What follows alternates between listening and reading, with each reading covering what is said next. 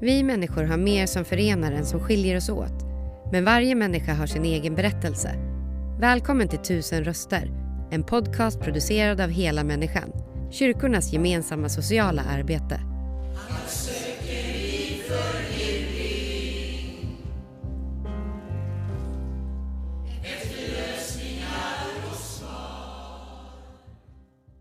Jag sitter här hos Hela Människan i Lerum och träffar Kjell som är 78 år gammal. Han eh, har eh, en lungsjukdom sedan 2008. Och hans eh, lungor har bara en kapacitet på 42 procent. Han har dessutom fått covid. Hej, hur är läget med dig? Förlåt? Hur är läget med dig? Ja, det är, det är väl eh, relativt bra ändå. Bortsett att eh, man har svårt med andningen. Ja, Men eh, jag försöker ju vara igång på olika sätt med det här sociala. Och en av de grejerna är ju med RIA då, att man går dit. hur ofta kommer du hit? Ja, vi kan komma hit eh, tre dagar i veckan. Måndag, onsdag, fredag. Det är då de har öppet egentligen? Ja. Och sen har de ju second hand på tisdag. Och på second hand eh, har ju tidigare varit med då. Men jag orkar inte det längre. Du var volontär där? Ja, det kan man säga. Mm. Vad, vad har du gjort eh, i ditt liv? Vad har du jobbat med? Och så? Ja, hur, ska vi, hur ska vi sammanfatta detta? det, jag har haft två liv på något sätt. Först hade jag ju de första 40 åren då var det bara institutioner med fängelser och, och droger och sprit och så. Men sen bröt jag det och, och sen dess har det varit så. Så när jag var 40 år så, så blev jag vit. Ja. Så du har hunnit nästan halva livet varit vit då? Ja. Vill du berätta lite om den här eh, första halvan? Vad, Ja. Hur börjar det liksom? Nej, jag, jag växte ju upp på, på barnen. Eller växte upp. Jag var väldigt mycket på barnen när jag var de första 8-9 åren. Och eh, det var det. Det var Witches barnen var, det mycket. Sen blev jag utplacerad därifrån till, eh, till en bondgård. Så jag blev fam, familjeplacerad där. Men det var det jobbigt. Du fick kämpa på gården liksom? Jag fick kämpa på gården och stryk fick jag. Det var mycket sån där skit alltså. Så att eh, det var inte alls roligt. Hur gammal var du då? Ja, det var ju mellan eh, 13 och till jag var strax innan jag fyllde 16. Och sen... Eh, sen eh, så gick jag till sjöss. Jag kom ifrån från den där bondgården. Då gick jag till sjöss i ungefär två år. Då fick man ju smak på spriten och det. va. Och sen, eh, sen, eh, sen började mitt, eh, mitt eh, asociala eller kriminella liv. Så sen var det fängelsevistelse. Massvis med fängelsevistelse. Och däremellan så var det ju knark och, och och sprit och så. Vad var, det, vad var det som gjorde att du hamnade i fängelset? Vad gjorde du för något? Jag stal. Och rån har jag gjort. Sådär. Så jag var på Kumla. Och, och det var ju varierande eh, långa tider. Längsta var fyra år. Fick en gång. Jag var, var 22 år då. Så jag har ju varit på de flesta fängelser på Härlanda och Kumla och Vad gör det med en människa att sitta på fyra år fängelse? Nej men det blir ju, det blir ju liksom ungefär som man tänker man är Svensson och jobbar och sköter sig och så. Det blir naturligt. Jag vet inte hur jag ska förklara men det, det är ett sätt att leva. Och de människorna man umgås med det är ju också kriminella så att man rörde sig i den här kretsen. Så att, Mm. så att eh, Och du sa att du började knarka också. Liksom, Ja. Vad var det för något du tog amfetamin, då? Amfetamin. Ritalina heter det. Ja, Injicera ja. Så att eh, vi det gick ju att fixa till även när han satt inne. Ja, men det, det, det är ju så här, det är ju lite konstigt med, med mitt liv då. Att i alla de mest konstiga situationer som jag har varit i och jag har hamnat i så, så har jag mött människor med en kristen tro. Och eh, även när jag satt på Kumla på bunkern där isolerad så mötte jag en fångvaktare där som var kristen. Som eh, så, så. så att, eh, ja, så är det. Har du själv liksom fått eh, intryck av det här och blivit kristen? Ja. Det var väl egentligen så. Det var, det var bland annat en, en grupp från, från Smyrna. En ungdomsgrupp som var runt och, och sjöng och spelade på fängelser och båtar och lite överallt så där. Och hade samtal och så. Så att eh, då fick jag mycket kontakt med dem. På den vägen blev det. Och den Mm. som hållde i gruppen det var en man som hette Stig Holmström. En man som en gammal sjökapten och eh, som då var prefekt på Sjöbefälsskolan.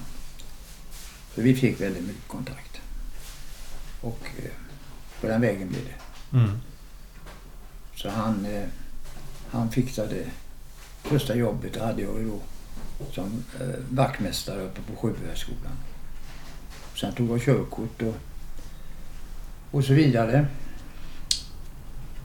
Så efter, och så, sen fick jag en, en anställning på, på Hisingen på eh, ett, en basstation hette det. Eh, Med ett lönebidrag där som behandlade där, eh, där, eh, där var jag några år. Det var ju ett bra sätt att jobba med sig själv på något sätt. Att man fick jobba med Ja. människor som själv. Men sen efter några år där så kände jag att jag måste göra något annat. Och en sak som jag tycker väldigt mycket om det är att köra. Och eh, så jag tog busskort, eller trafikkort då. Och så började jag köra, köra buss. Körde du hela Europa då? Eller? Nej, jag ju bara lokalt. Lokalt? Men jag har ju kört i... Här har jag varit då i hela Göteborg. och Kungälv och Kungsbacka. Jag började i Kung, Kungsbacka. Så det blev 22 år. Så jag, jag jobbade... Jag jobbade inom den här branschen i 22 år. Tills eh, jag var 60... Ja, drygt 68 år. Ja.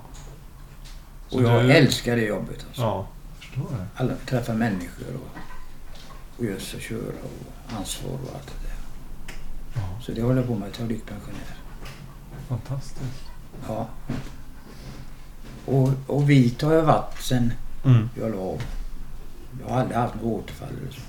Och det Jag är lös från det alltså. Ja, skönt. Men det var där runt när du var 40 då? Jag är 40. Vad, vad Noga bestämt. Den 2 oktober 1984. 2 oktober 1984. Jag la in mig på, jag la in mig på Lillågen. Ja, är... Och så från Lillågen så Ja, så fick jag komma till Västkusthemmet, en, en alkoholistanstalt. Och utifrån där så jobbade jag på det sociala. På den vägen. Men, men det är ju så här också att många säger ju så här att bara kom ifrån spriten. Sen är det klart. Sen är, men det är ju då det börjar. Med att jobba med alla de här grejerna. Så att... Eh, det, ja.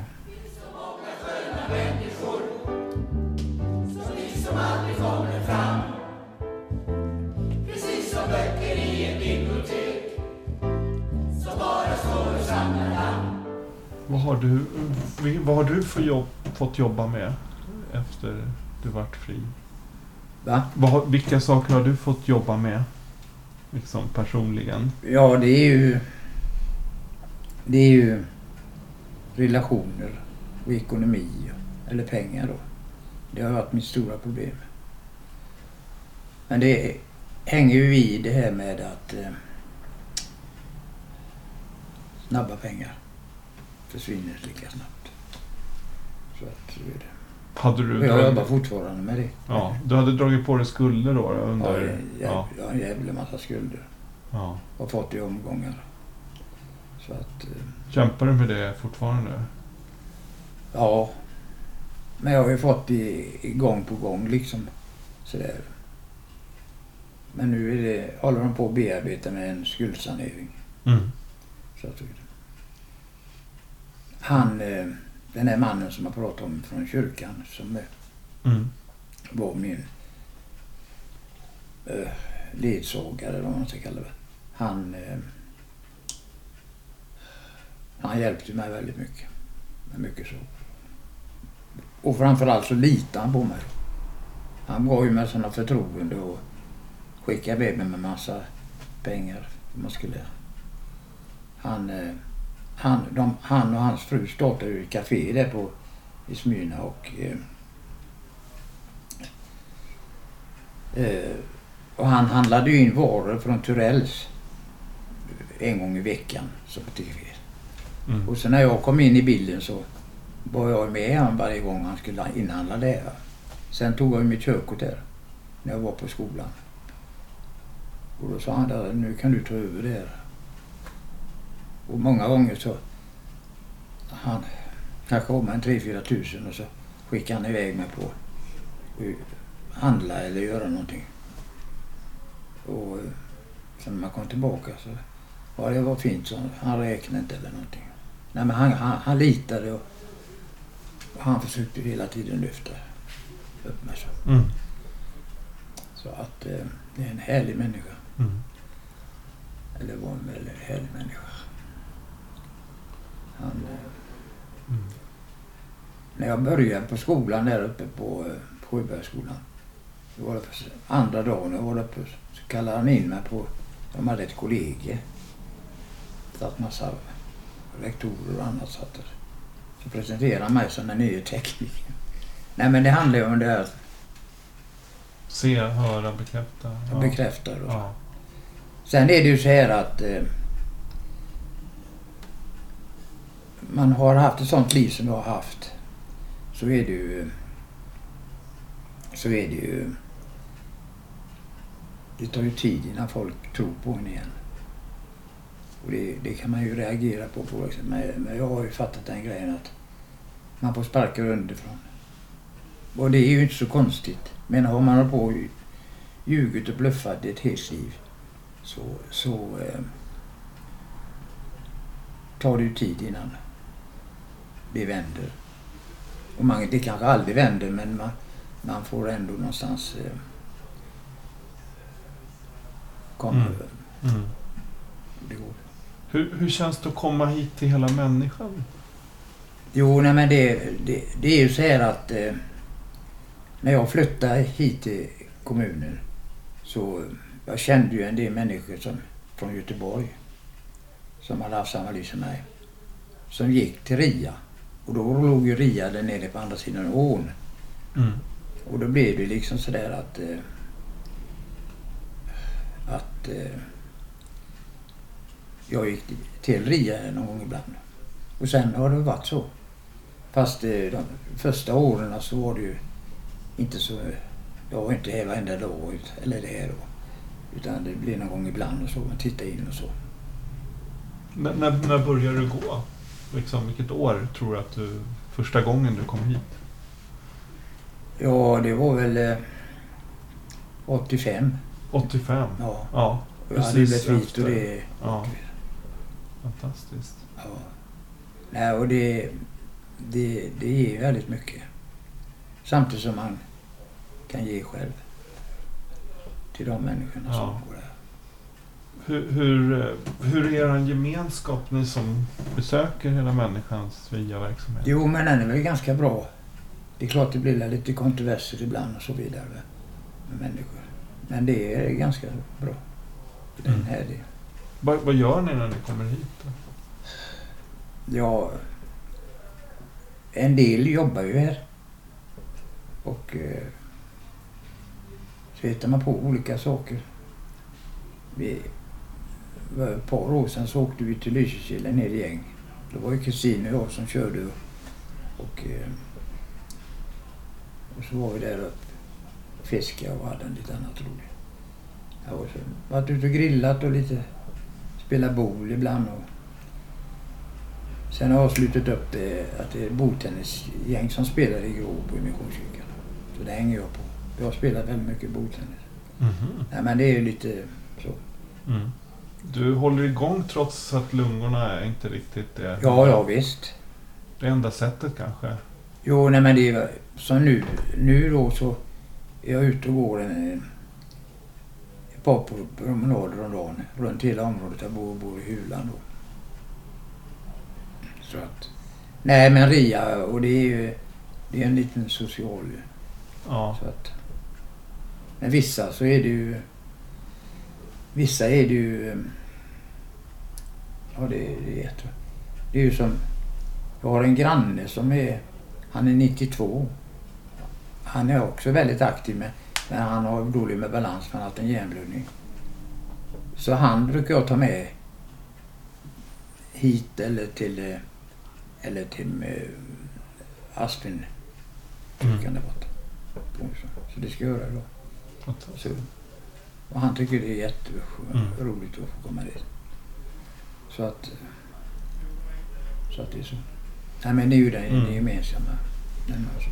Om du fick önska någonting eh, som samhället kunde göra eller som eh, för att hjälpa dig och andra personer i ungefär liknande situation. Vad skulle det vara? Nej men det är väl eh, lite utav vad det här bottnar i med RIA. Nej, med att man bryr sig och, och så. Så att, eh, Att det fanns mer av sånt? Liksom. Ja, absolut. Jag... Eh, nej, men jag har ju gjort mycket grejer utanför den här verksamheten som för att ställa upp för andra och så vidare. Det är ju liksom grundgrejen. Och det är ju lite så som vi... Jag har tagit in lite grejer, lite här och lite där. Det var ju som jag sa när jag, när jag var på den här torken på väskhushemmet Så blev jag någon slags... Eh, eh förtroenderåd. Eh, kom jag. Det var några patienter som ordnade olika tillställningar och aktiviteter och så. Där var jag med. Och, så där ordnade vi med olika fester och, och annat. Ja. Och så eh, jobbade jag utifrån det med andra aktiviteter ja. runt om. Med min bostad och allt sånt där. Så att eh, det är mycket så. Mm. Men det är ju inte så svårt att, att liksom bjuda på sig själv. Det är ju ganska skönt. Eller hur? Ja, ja, det håller jag med om. Ja, Mm. så att... eh, om jag tar det här grejen med Arne då. Som man brukar ta med lite hit och lite dit så. Så är han ju... eh, Det ger väldigt mycket till mig själv. Jag brukar sjunga så här. Någon där uppe måste gilla mig. Och jag gillar någon, han också. Så är det. Ja. Det är viktigt. Det är viktigt, ja. Ja. Sa den gamle mannen. Ja, Ja. men fantastiskt att få höra om din eh, livsresa från det här barnhemmet till ja. kriminaliteten. Och... Och förutsättningarna var ju inte så bra. Nej, de eh, Det var- det kunde ha var- varit bättre. Ja. Men jag känner och tycker så här att man kan ju inte säga så här. Jag slog han på käften bara för att jag fick så mycket stryk när jag var liten. Man kan inte, man kan inte skylla på det. Man, alla måste ta sitt eget ansvar, tycker jag. Så att så är det. Mm. Men det har du gjort också nu? Jo, efter. det har jag väl gjort. Så att eh, även om det här jävla skiten jag fick det på mig med Mm. lungorna och det. Ja, du fick ju covid också på det. Ja, ja, fast kolen fick- började utveckla sig 2008. Ja. Jag hade ju ett, eller ja, det har ju på sätt och vis ett, ett eh, intresse till och det är, Mm. jag älskar att dansa. Jag har dansat något så fruktansvärt i mitt liv. Under de här 30 sista åren så dansade jag kanske fyra, fem dagar i veckan. Vad var det för typ av dans? Nej, det var körde? ju vanlig, vanlig foxtrot och, eh, och bugg då. Så att... Eh, det var ju så här att eh, då när man har slutat med spriten och det va, så, eh, började jag gå på rondo på dansen där. Mm. Och fick en himla känsla för det. Så kände man att man blev ganska bra på det här med dansa. Många människor som ville, ville dansa med mig och sådär. Så då blev det nästan som ett gift. Så jag, jag bytte ut drogerna mot dansen. Så, Men det låter som en ganska bra eh, by- byte. Så att Ja. säga. Men det är klart det kan bli för mycket av det också då. ja, det beror på hur man ser det. Ja. Men det, det är ju bra motion och ja. man träffar vettiga människor och, och så. Va? Så att... Eh, sen är det många som säger så här, eh, det har varit väldigt jagande men det är inte så. Menar, det kan vara likadant på en arbetsplats där det är blandade män och kvinnor. Om det är så. Absolut. Nej, jag har väldigt mycket goda eh, partners. Mm. Och sen jag hade jag ett intresse till, jag spelade bordtennis. Ja. Så jag var ju med i ett lag och vi spelade i Korpen i väldigt många år. Så att eh, det är en jättestor serie den här Korpen. Så det var dans och bordtennis och, och vad heter det, att köra buss. Mm. Och jag älskade busskörningen. Och det var skoj alltså. Varje dag var som en härlig gåva alltså. Fantastiskt. Ja, det var jättekul. Tack så mycket för att vi fick en insyn i eh, det, det här livet som Ja. du har levt. Och, och, men ändå så positivt eh, den här efter 40 år. Ja, Eh, och ehm, ja, jag får tacka så mycket. ja tack. Tack för att du lyssnat. Intervjun gjordes av Daniel Ryderholm och musiken framfördes av Gatans röster. För att hitta fler avsnitt och ta reda på hur du kan engagera dig besök helamänniskan.se volontar.